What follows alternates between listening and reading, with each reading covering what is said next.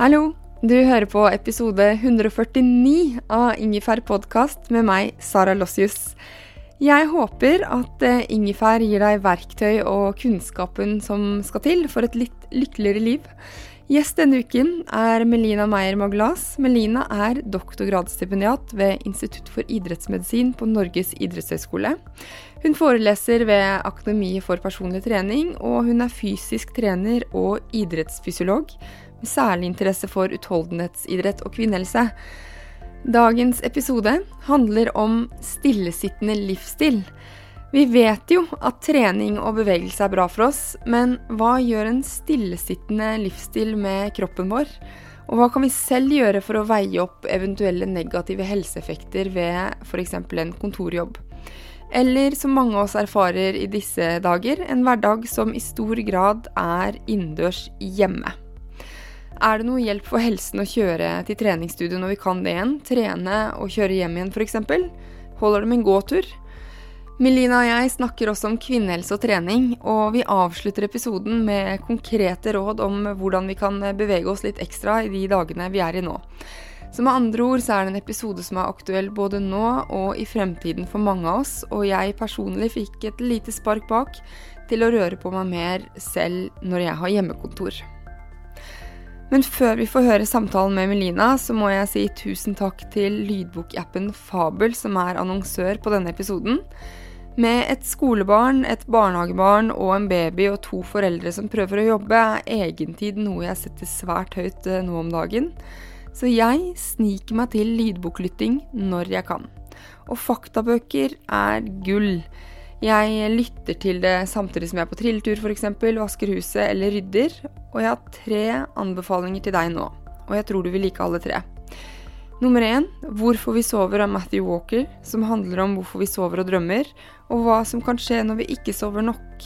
Det er en bok småbarnsforeldre kanskje ikke bør lese, eller bør lese, for å legge seg tidligere om kvelden, og her snakker jeg til meg selv.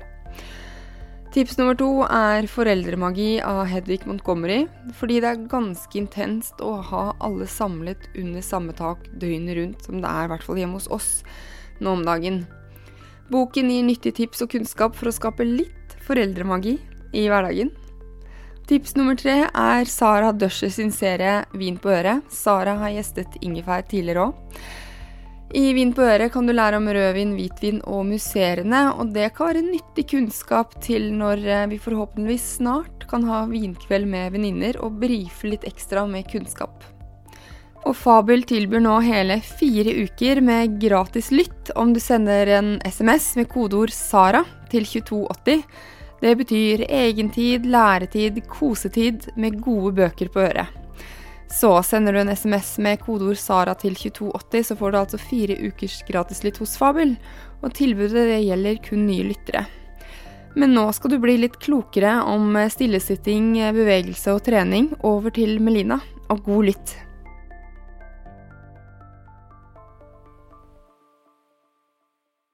Melina, velkommen til Ingefær.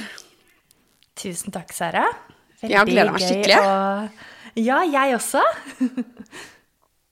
Vi tar jo det her eh, over Skype. Jeg ser du sitter på kjøkkenet hjemme hos deg, mens jeg står i kjelleren min. Har du rørt på deg hittil i dag, eller? I dag har det ikke vært så mye røring som det egentlig skulle vært. Eh, jeg har vært på en svangerskapskontroll, for der er jeg i livet. Og så skulle jeg egentlig på ski, men så er det nesten ikke kjørt noen skiløyper i dag her i Oslomarka. Så da har det egentlig bare blitt litt kontorjobbing eh, til nå, altså. Så fint lite aktivitet, men jeg håper at jeg får inn eh, enten en tur eller noen stuegulvsøvelse litt senere i dag, da. Ikke sant. Det er eh, Jeg har Jeg står i kjelleren, så jeg har gått opp og ned fra kjelleren til andre etasje kanskje ti ganger eller noe sånt i dag. Det er det jeg har gjort. Og klokken er ti på to. Så ja. vi begynner med inaktivitet, for vi har jo vært inaktive i dag. Hva er det? Hva er å være inaktiv? Altså sedat livsstil, hva er det? Ja, det er egentlig to litt forskjellige ting. Fordi det å være inaktiv Per definisjon så betyr det at du ikke klarer å møte myndighetenes anbefalinger for fysisk aktivitet. Fordi myndighetene de anbefaler oss jo at vi skal være fysisk aktive 150 minutter i uka på moderat intensitet. Eller 75 minutter i uka på høy intensitet. Så hvis du ikke klarer å oppfylle en av de variantene av anbefalingene, da er du per definisjon inaktiv. Men det betyr jo man kan jo ha en inaktiv dag, men hvis det er på en måte den måten du lever på, så altså over det lange løp, så er du da en inaktiv person. Men sedat atferd, det er egentlig litt noe annet. Ehm, det kan godt være at du f.eks. klarer å møte eh, de anbefalingene vi har for fysisk aktivitet. At du er aktiv 150 minutter i uka, men resten av tiden som du ikke har det aktivitetsnivået på den gitte intensiteten, så sitter du på rumpa, eh, ligger på sofaen eller ligger i senga eller Så du kan være en fysisk aktiv sofapotet, på en måte. Det føler jeg er liksom beskrivelsen av meg og sikkert mange andre. Fordi veldig mange av oss har jo kontorjobber. Eller at man sitter i kassa et sted eller studerer, og så trener man.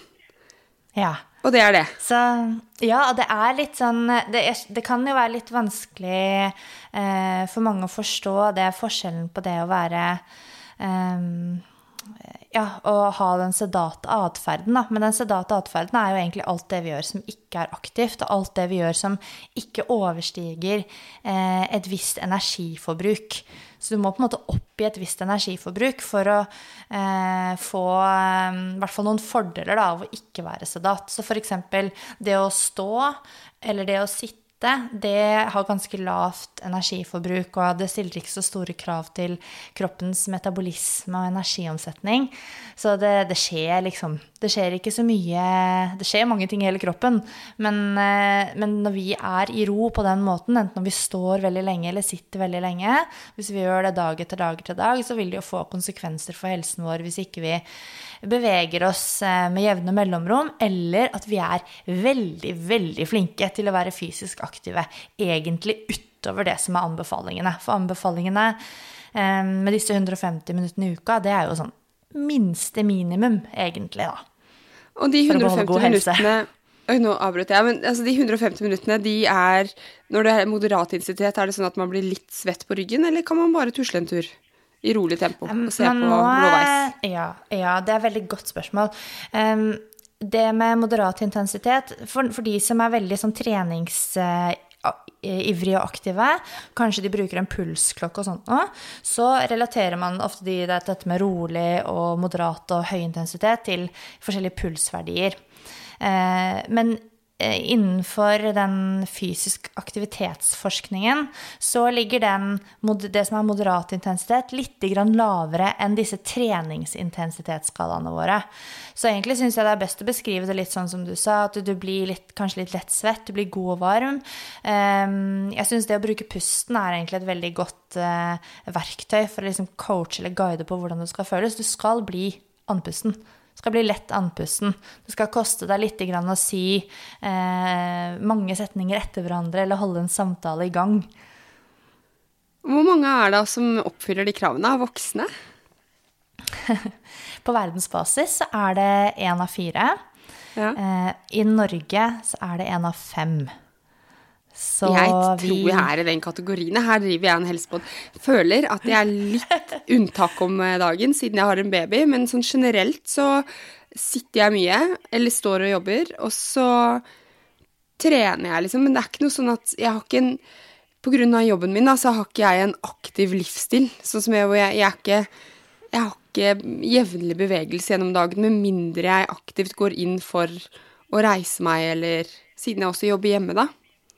Du er inne på noe veldig viktig der, da. Fordi at eh, det er jo Livet vårt har jo blitt sånn.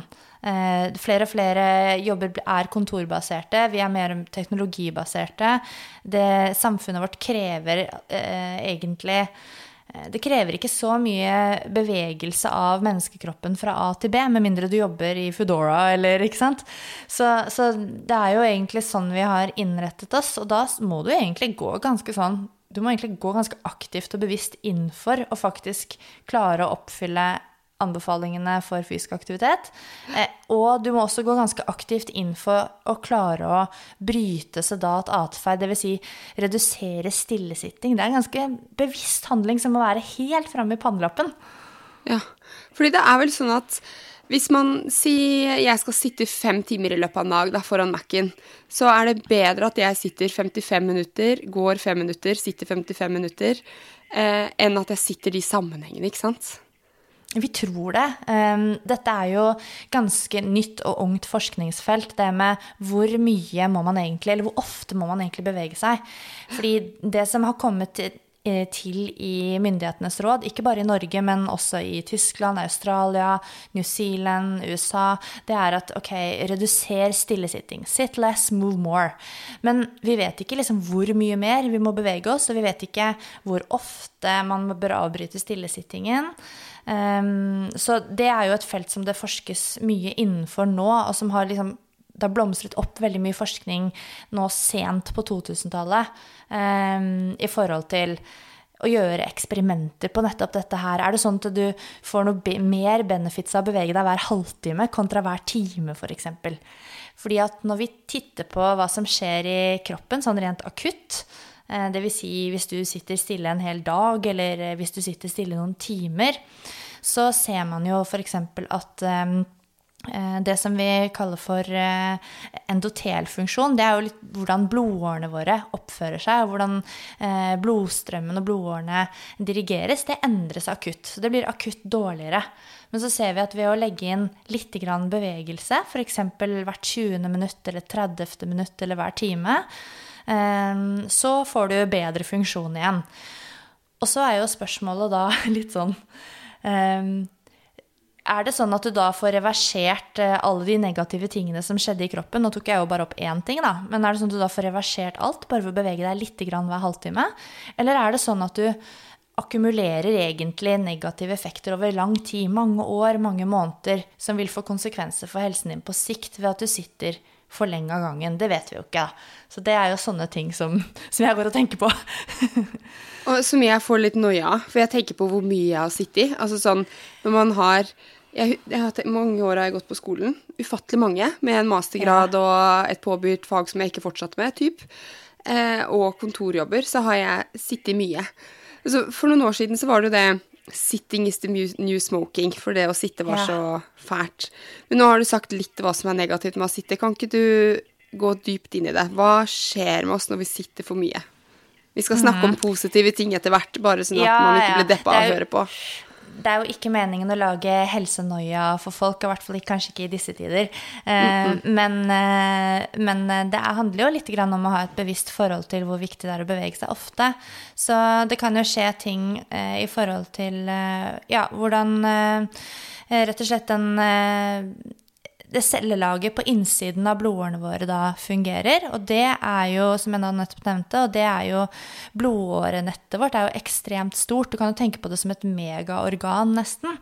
Vi er jo veldig avhengig av eh, transport inn og ut med næringsstoffer, opprettholde en viss pH i muskulatur, i blod, alt det der.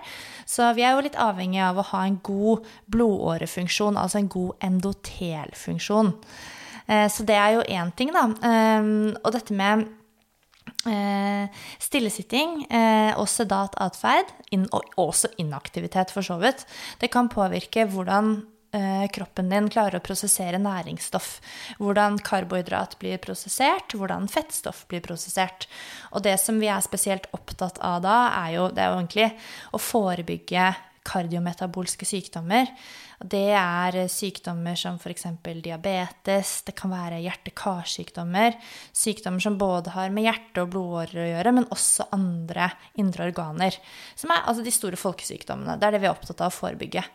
For det er sånn at eh, måten kroppen prosesserer f.eks. karbohydrat og fett på, da, vil påvirke f.eks. hvorvidt man får plakkdannelser i blodårene sine over tid. Og det er jo noe som man ser at personer som er veldig lite aktiv, fysisk aktive, ehm, de har jo en, en, en, eh, dårligere eh, prosessering av fettstoff, f.eks. Blodfett. Og da det vet vi jo det at eh, hvordan blodfettnivåene er, og hvordan eh, aktivitetsnivået er, det henger tett sammen. Så det vi er opptatt av, da, er at folk skal ha eh, rett og slett eh, gode forhold for å prosessere da, de store næringsstoffene, sånn at man ikke får det som heter arteriosklerose, som er da plakkdannelser og sykdom i blodårene, som kan lede til mer alvorlige sykdommer. Men er det sånn at eh, Du nevnte jo det med eh, bevege seg jevnlig. Så hvis jeg har sittet en stund, og så beveger meg, da skjer det noe positivt? Mm, det gjør det. Eh, og så vet vi jo ikke akkurat mekanismene bak. Det er dette som er vanskelig da, eh, med å jobbe liksom, i det forskningsfeltet. Vi vet jo ikke eksakt hva som leder til hva. Eh, men det man ser, er jo at eh, da får du på en måte Ved å være fysisk aktiv jevnlig, så får du jo en eh, Du får redusert insulin, du får bedre glukoseregulering, du får lavere nivåer av det som vi kaller det dårlige kolesterolet, altså LDL-kolesterolet, i blodstrømmen din. Du får mer av det gode kolesterolet. Og så kan vi også se på mye mindre mindre bestanddeler. Forskjellige typer sånn fettstoffer, triglycerider heter de, og lipoproteiner kan vi også titte på og se at eh, de går opp eller ned da, i forhold til at vi, om vi beveger oss, og hvor ofte og hvorvidt vi beveger oss i det hele tatt. Sånn at eh, det er jo veldig mange ting som skjer på innsiden av kroppen når du er i fysisk aktivitet, som du kanskje ikke kan se på utsiden i form av at musklene blir større, og det blir en sixpack, eller man går ned i vekt, eller Altså bare ved å være akkurat sånn som du er Eh, men å legge til bevegelse, så blir du fryktelig mye friskere og bedre på sikt på innsiden. Det er jo det vi er opptatt av. Og det er jo innsiden som teller på sikt. Det er det, altså. Det, det, nytter ikke med så veldig mye på utsiden hvis ikke de indre organene, som hjerte, hjerne, eh, lever, nyre Altså alt det her må jo fungere. Eh, og det er utrolig finstemt. Men du forsker jo på det her. Hvordan, det, hvordan forsker man på det? Altså hvordan måler man det her? Har man elektrode på hodet, eller måler man blodet, eller hva, hva Hvis jeg hadde vært eh, en, eh, en deltaker på et forskningsprosjekt, hva hadde blitt skjedd med meg? Kanskje du skal få være det, Sara? Kanskje du skal få Eller hvert fall Meld meg frivillig. ja. Det kan, være, det kan være det viser seg at du er litt for fysisk aktiv til eh, de, de jeg skal undersøke. Jeg skal undersøke for så vidt unge, friske voksne eh, som, ikke all, som, ikke trener altfor mye. Jeg vil liksom ha, jeg vil ha gjennomsnittsnordmannen og nordkvinnen. eh, men det er mange måter å gjøre det på når man ser på det på sånn befolkningsnivå, altså sånn det som vi kaller for epidemiologiske studier. Da eh, titter man jo på veldig veldig mange mennesker som kanskje har på seg aktivitetsmålere, eller de blir spurt på spørreskjema eh, hvordan aktivitetsvannet deres er. Og så måler man f.eks. Eh, insulin på de, man måler ved blodprøver, da. Man måler eh, blodfett, man måler blodtrykk. Vi har veldig mange forskjellige variabler egentlig innenfor dette her med eh, kardiometabolsk helse. Så vi kan måle kjempemasse ting. Men noe av det vanligste målet er eh, insulin, det er glukose, det er triglycerider, som er fettstoff, som vi finner da i blodårene. Eh, vi måler eh, det som heter cardiorespiratory fitness, så vi fysisk form, rett og slett, måler vi. Og så kan man jo begynne, man kan jo måle på genekspresjon og mange sånne ting også. Men på de store studiene så måler man ofte liksom blodtrykk, glukose og og, og, disse fettstoffene. Og så kanskje man følger opp disse menneskene og titter på hvordan har det gått med dem, og hvordan har aktivitetsvannet deres vært om noen måneder eller om flere år. Så det er jo liksom store sånne follow-up-studier. Og da, når man titter på den type studier, så, som er jo ikke det jeg personlig er involvert i, men da har man bl.a. sett at eh, hvis du f.eks. skal fullt og helt eliminere Eh, de negative effektene av sedat atferd og inaktivitet. Eh, hvis du skal nulle ut alt det negative, da ser det ut til at vi må være fysisk aktive rundt en time hver eneste dag på moderat intensitet. Men det må det være sammenhengende? Jeg spør, eh, for Da kan man gå fort i jobben, en halvtime og fort hjem på ettermiddagen mm. f.eks. Jeg, eh, dette er jo sånn som vi ikke har noe 100 eh, godt svar, eller et fasitsvar på.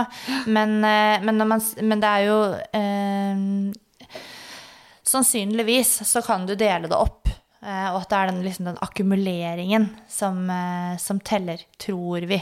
Eh, noen mener jo at måten du er aktiv på, dvs. Si at du har ti minutter hvor du går fort til jobben, og så går du ti minutter fort hjem, og så tar du litt når du går opp trappa, og så etter hvert så kanskje du samler opp en time i løpet av en dag da, på høy aktivitet, at det kanskje har mer å si, at du er spredt utover, kontra da å ha én treningsøkt på en time på moderat intensitet. Men, men, det er litt sånn de lærde strides. Der vet man ikke.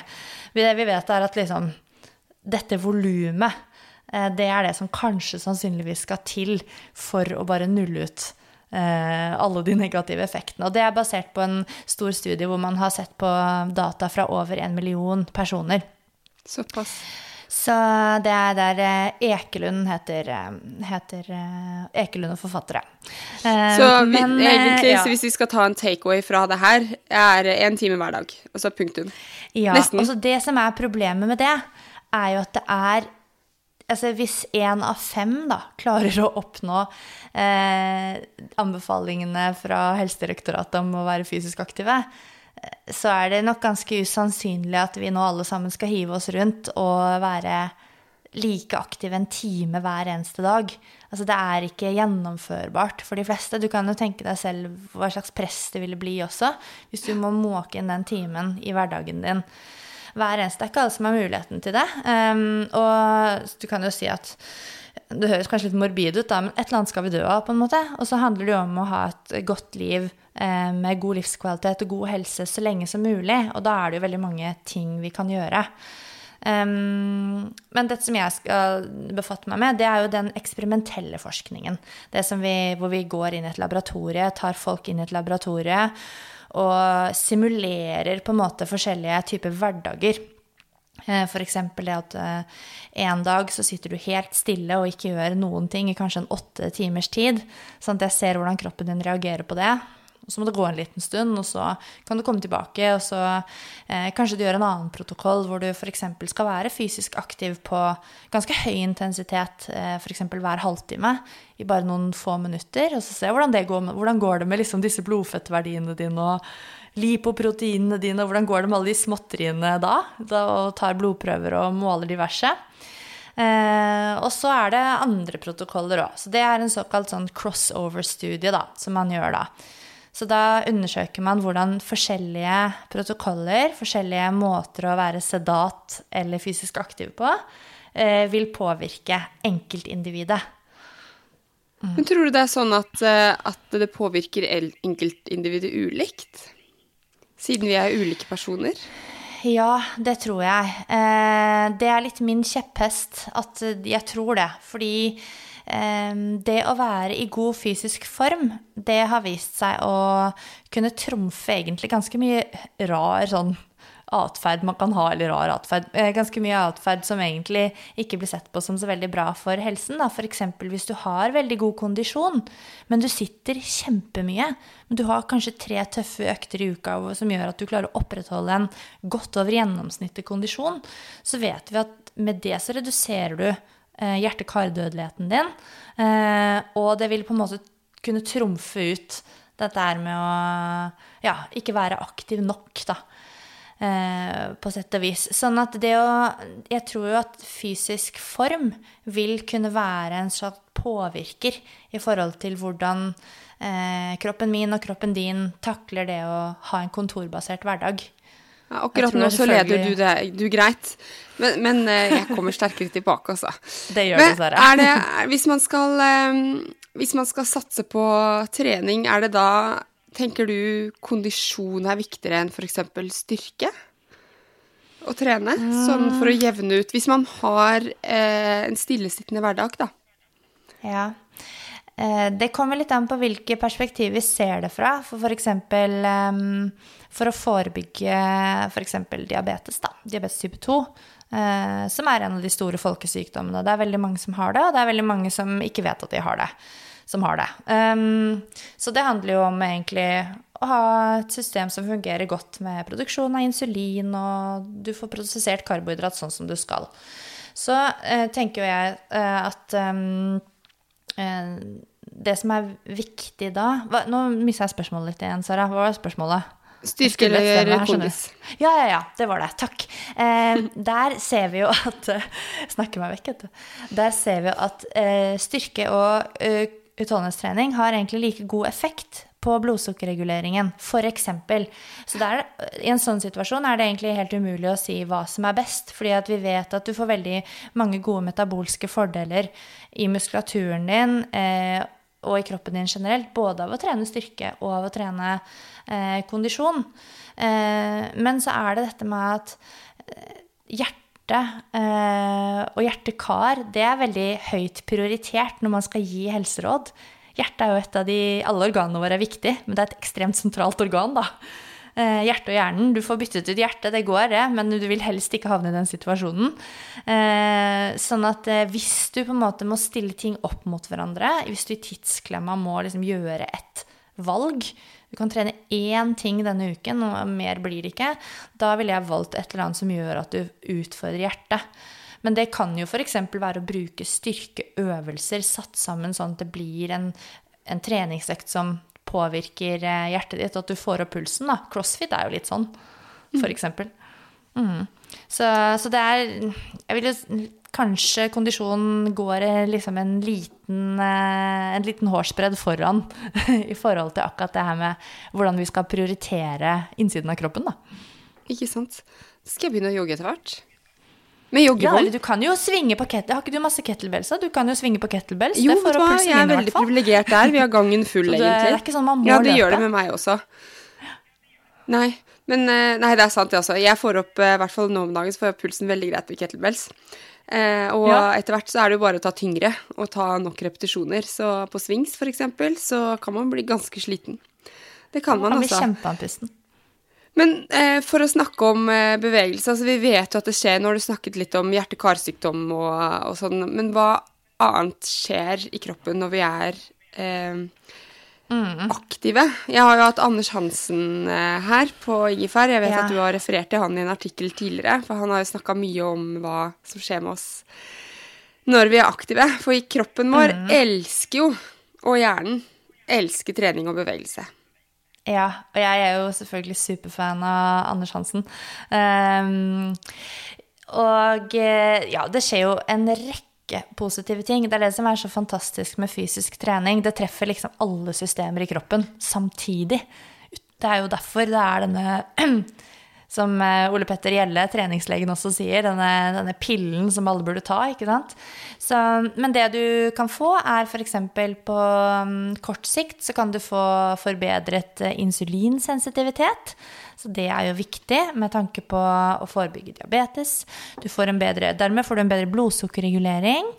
Du får en økt evne til å prosessere fettstoff, som da vil gjøre at du har, klarer å beholde rene, fine, funksjonelle blodårer eh, lenge i livet ditt, eh, som ikke blir stive. Og det vil jo også hjelpe på blodtrykket. Det vil gjøre at eh, blodtrykket forholder seg stabilt og der det skal være. At ikke karveggene blir stive, og at trykket øker. Så, og i tillegg så får du en eh, Altså den generelle vaskulære funksjonen, da, altså hele den blodårefunksjonen, blir bedre. Og så kan du også få um, redusert inflammasjon generelt i kroppen. Nå er det jo sånn at trening vil jo gi litt grann, altså trening vil indusere litt grann inflammasjon, men det er jo på en måte forbigående, og så restituerer du deg, og så ikke inflammasjonen. Så det er ikke den typen jeg tenker på. Jeg tenker på mer i forbindelse med, med sykdom og andre ting, da. Og rett, generelt sett, sånn samlet, eh, så er det rett og slett sånn at du skaper deg forutsetninger for å leve, leve lenge og bra, da. Men er det noe Jeg tenker på, du forsker jo, eller er opptatt av kvinnehelse også. Eh, mm. Og det er bra. Og det er stadig flere som blir det. For det er jo mye, som jeg forstår, så er mye av forskningen på trening gjort på menn. Og så tester man det på kvinnelige uh, utøvere, og så skjønner man ikke hva som går gærent, for vi har en syklus. Er det trening og kvinners syklus, er det noe vi kan uh, ha i mente der? Det er jo egentlig masse å ha i mente. Jeg vil si at Generelt sett så forskes det eh, for lite på kvinner. Og veldig mange av de treningsrådene som vi har, eh, som er basert på vitenskapen, de kommer fra forskning på menn. Men så er det jo sånn, eh, som eh, uttrykket sier, at eh, kvinner er liksom ikke små menn med pupper. Um, og det, det, som jeg i hvert fall har observert, og flere andre fagfeller og kollegaer òg, er at det gjøres liksom en litt for slett jobb når man skal titte på hva som skjer med kvinner. Uh, for eksempel så um, er det jo sånn at noe som, som, jeg i hvert fall ønsker at eh, flere forskere skal gjøre, og jeg kommer til spørsmålet ditt, men det er liksom å titte på eh, og undersøke når er det denne kvinnen som er eh, deltaker i dette forskningsprosjektet, når har hun sine forskjellige faser i syklusen? Fordi det vil jo påvirke metabolismen veldig. Og når jeg skal forske på metabolismen, så må jo jeg vite hvordan den syklusen er. Fordi hvis ikke så vet jeg jo nesten ikke hva jeg måler på, holdt jeg på å si. Eller hvilke, hvilke forhold jeg måler under, da. Så det kan ja, for det er forskjell sånn på follikkelfasen og lutealfasen, f.eks. Ja, ikke sant. Mm. Fordi at i follikkelfasen så vil jo eh, Da begynner jo østrogen å øke, blant annet. Og så er det jo forskjellige sånn forløp med, med alle disse mm, eh, hormonene som da skaper en eggløsning, og hvis ikke det blir baby, så blir det en menstruasjon. Um, og så er det jo sånn da, at de som kontrollerer for um, Eh, for denne menstruasjonssyklusen i sine studier, de eh, tester som regel kvinner når de er i follikulærfasen, som er en ganske sånn eh, hormonelt stabil fase. Men det som er litt interessant der, er jo at det er da kvinner egentlig ligner mest på menn. Er det rett etter mensen, ikke sant? Ja, så det er jo litt sånn urettferdig. Det. Ja, det er litt mm. urettferdig overfor oss at vi bare skal forskes på da også, eh, når vi er i den ene fasen, fordi den er ikke så Altså, det er jo ganske kort, egentlig. Vi, lever jo, vi har jo andre faser òg, så da er det egentlig, egentlig, mye å ta tak i da, når man skal titte på kvinner. Um, men sånn, i forhold til treningen så vil jo jeg si at eh, sånn som man opplever um, Hvordan du opplever menstruasjonen, vil jo kanskje diktere litt om hvorvidt man skal ta hensyn til den eh, i forhold til treningen sin eller ikke. For noen har jo veldig lite eh, symptomer, veldig lite PMS, da. Eh, men andre er fryktelig, fryktelig plaget. Og hvis man er fryktelig, fryktelig plaget og opplever å få liksom hver eneste pokker meg bidige måned, så har man liksom dårlige treningsøkter i den delen av måneden så er jo ikke det noe morsomt, og man får dårlig selvtillit, og man føler seg ikke noe bra. Og da kan det være lurt å prøve å eh, regulere treningen sin litt etter syklus. Det blir en slags sånn naturlig måte å periodisere treningen på. Så, mm, men, men, hvis ikke man liksom har noe sånn, legger noe spesielt merke til det, så tenker jeg at da trenger du ikke komplisere ting mer for deg selv. Eh, men min erfaring er i hvert fall at det er veldig mange som opplever en bedre treningshverdag ved å tilrettelegge etter syklusen fordi at de er plaget med dårlig prestasjon eller sliten, slapp, eh, ja, hormonell på alle måter, da, eh, før eggløsning. Før eggløsning? Altså Eller før mm. mensen? Ja, før mensen. Før mensen. Så det blir jo, ja, det blir ja. jo på en måte før eh, Ja, i når når det er eh, eh, Ja, rett før mensen begynner. Ja, jeg måtte tenke, Nå er det jo en stund ja. siden jeg har hatt mensen. Siden ja, Samme her, så jeg må også tenke litt. Men, eh, og så er det jo sånn, før mensen så har du de dagene hvor det liksom kjefter på samboeren, og klørne er ute, og så kommer mensen. Og så er det kanskje ofte noen litt sånn kjipe dager der òg. Kan være litt ømt og litt småvondt her og der, og man er litt slapp. Og så går det et par dager til, og så eier du verden igjen. Er veldig rart. Ja, så, ja det er veldig det Men jeg syns det er litt deilig med å vite det, er at uh, jeg var ikke så sint på meg selv med en gang jeg begynte å trekke mensen i større grad. For jeg kunne bli ja. sint på meg selv for liksom Hvorfor er jeg så trist eller sur, eller hvorfor orker jeg ikke løfte noe, eller noe sånt. Og så, så er det sånn Å ja, ja, men det er fordi jeg er i den fasen. Så blir man mer tilgivende overfor seg selv og kan heller gjøre andre ting. Så jeg tror ja, det er kjempenyttig kunnskap, da. Ja, det tror jeg også. Veldig mange tenker jo at eh, syklus er bare når det er menstruasjon. Eh, men syklusen det er jo noe som går hele måneden, eller det er rundt 21 til opp, mot 35 eh, dager, og så er det litt sånn pluss-minus på hver sin side i forhold til antall dager en, en individuell syklus varer. Men hele den Altså, du er i en syklus, du er et eller annet sted i den syklusen hele tiden. Og så er det forskjellige faser, og menstruasjonen er jo en bitte liten del av det. Men i løpet av den syklusen så, så svinger jo, som, ja, som vi må ha merket da, humøret og og prestasjonsevnen kan også påvirkes. Så det er for noen idrettsutøvere Nå er jeg litt inne i idrettsverdenen, og det er jo mange som påvirkes ganske kraftig eh, av menstruasjonen. Så man liksom går og håper at og prøver å ordne det til så man kanskje ikke får menstruasjon under et viktig mesterskap eller ja, sånne ting, da. Så, og for noen så går det utover jobben, og for noen så går det utover Ja. Så det er liksom det er, en, eh, det er, en, hodepine for mange, det å liksom vite hvordan du skal eh, Ja, livet går jo videre selv om vi har mensen, så vi må jo prøve å innrette, innrette oss på et vis. På et eller annet klokelig vis. Men jeg har lyst til å bare spørre deg litt om trening versus bevegelse. Er det, er det, mm -hmm. Kan jeg bare bruke de begrepene om hverandre, eller er det forskjell på de? Mm, trening er jo noe som skjer systematisk, eh, regelmessig og over tid. Eh, så hvis det er litt systematikk i det, så kan du kalle det trening. og hvis ikke, så kan du kalle det bevegelse eller fysisk aktivitet eller Trening er liksom noe planmessig. Skjønner. Så det å trille, mm. trille lisen i en tur, det er på en måte ikke trening, det er min hverdagsbevegelse. Ja. Når du, når de spør sånn, så vil jeg jo si eh, Det kommer litt ikke sant? For hvis, hvis du hadde vært i eh, mye dårligere form enn du sannsynligvis er i, så vil du nok få en treningseffekt av å gjøre det eh, daglig. Eh, men så blir det etter hvert en del trilling, og da og, og, så, Du må kanskje gå på litt da, i, i noen motbakker for at det skal være trening for deg. Så belastningen vil jo kanskje også kunne avgjøre litt om det er trening eller om det er bevegelse. Si ikke det, altså. Nå tenker du veldig positivt om meg. Det må jeg si. Men, men eh, eh, jeg har jo deg som kilde i, eh, i boken min, og, og, da mailet vi en del fram og tilbake i sommer.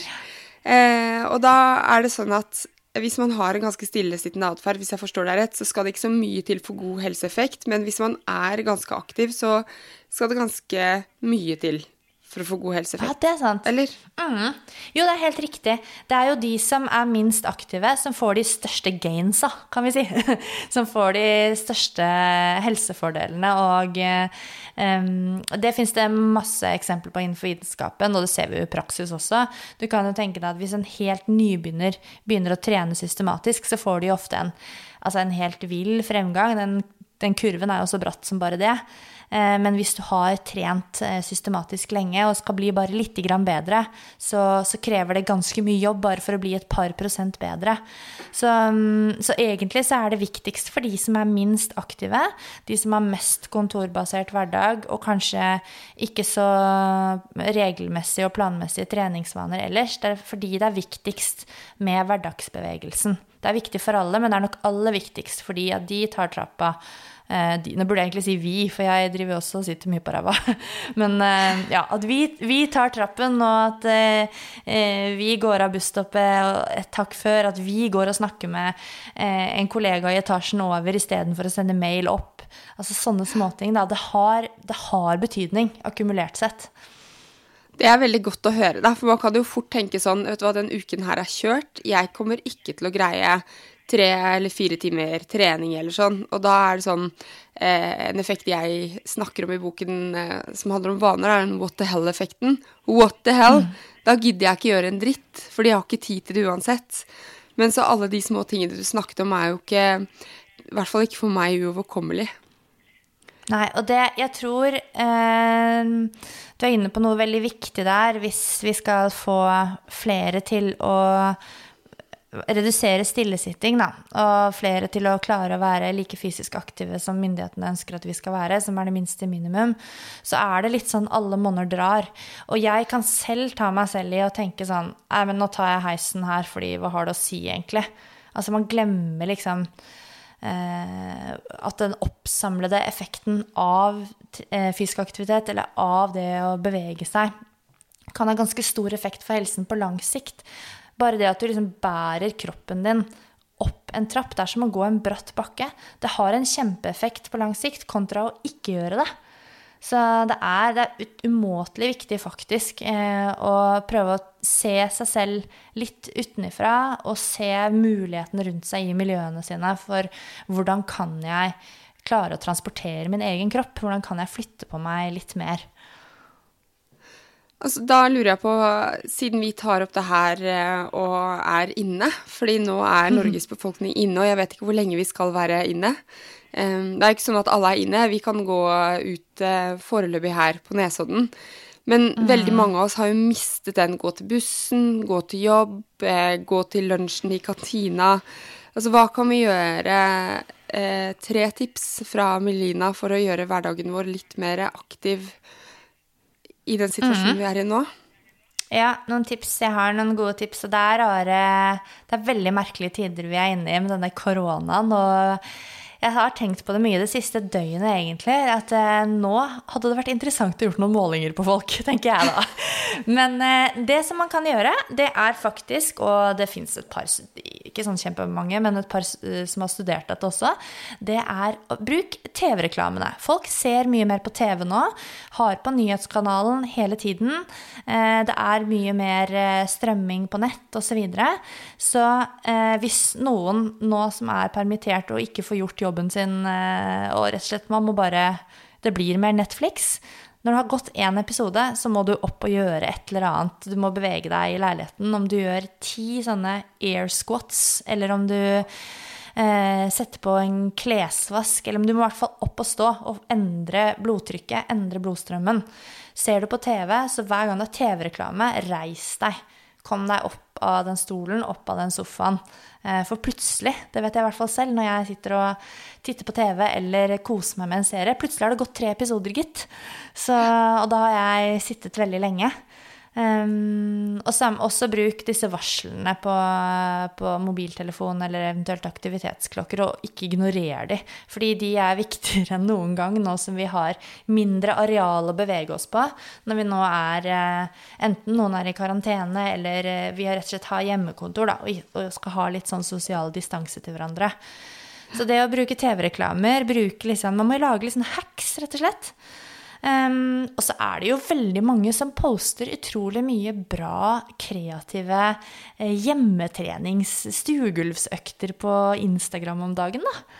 Så det som går an, er jo å bruke den lagringsfunksjonen som er nede til høyre på bildene på de man syns er litt kule.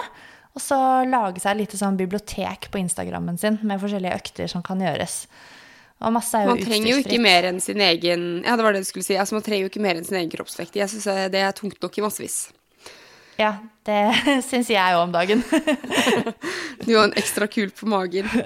Da, og litt ellers også. Det får man jo når man er gravid. Så det, jeg tror også det er fint, og det er også en fin måte å Altså, vi blir det å være isolert fra hverandre det gjør noe med mentalhelsen vår også. Det gjør noe med mentalhelsen i befolkningen. Så det å kunne hjelpe hverandre og heie på hverandre med å Hvis du gjør en økt som du har plukket opp fra en eller annen helt tilfeldig person, om du bare gjør én av de øvelsene i den økten, så kan du takke den personen som la ut den økten eh, på Instagram, og at man viser litt eh, solidaritet og støtter opp om hverandre i en periode som nå er litt sånn usikker og vanskelig for oss i befolkningen. Mm. Eh, det tror jeg kan også være en sånn fin mental bonus. Men det spiller søren meg ikke så stor rolle hva du gjør, tror jeg, um, i forhold til uh, sånn som situasjonen er nå. Det er mest å bare ikke bli sittende uh, for lenge av gangen.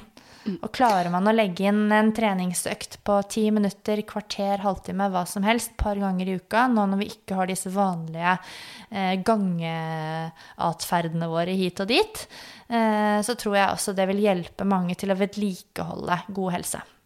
Ja, og psykisk, ikke minst. Fordi det er eh, mm. Man vet jo at det å røre på seg eh, booster jo hjernehumøret. Eller hjernehumøret, altså det booster humøret. Man blir gladere av det. Mm. Og hvis man ser for mye på nyheter, i hvert fall gjør jeg det, så og tenker på at jeg savner eh, familie og venner og sånn, så er jeg rett for å, lett for å bli veldig trist. Så det å ja. motarbeide det litt tror jeg er ganske nyttig. Ja, det er det. Det er jo ikke uten grunn at det å være fysisk aktiv er jo en del av et behandlingsopplegg eh, for personer med depresjon, f.eks., eller ja, så det er jo eh, det er, det er, mange Det er igjen at eh, exercise hits all systems. Det er veldig mange effekter du får samtidig. Eh, og så trenger det ikke, som du var inne på, da, så det trenger ikke være trening, fysisk trening, alltid. Det kan bare være å gå en tur eller gjøre Altså husarbeid vil være å avbryte sedat atferd, f.eks. Mm. Det å vaske gulv, støvsuge Jeg tipper at mange har det så rent nå som de aldri har hatt det før, da. Men Si ikke det. Jo, faktisk. Det er sant, det, altså. Men du Melina, tusen takk for at du gjorde oss eh, litt klokere, og jeg tror også litt inspirert til å trene litt. I hvert fall skal jeg kanskje prøve meg ut på en joggetur etterpå. bare hyggelig, Sara. Tusen takk for meg. Sånn, det var episode 149 av Ingefær med gjest Melina Meyer Maglas og meg, Sara Lossius. Jeg håper du blir inspirert til å bevege på deg på et eller annet vis. Og inntil vi høres på torsdag med Ingefær Shot med også Melina da, ta vare på deg selv og de du er glad i. Ha det.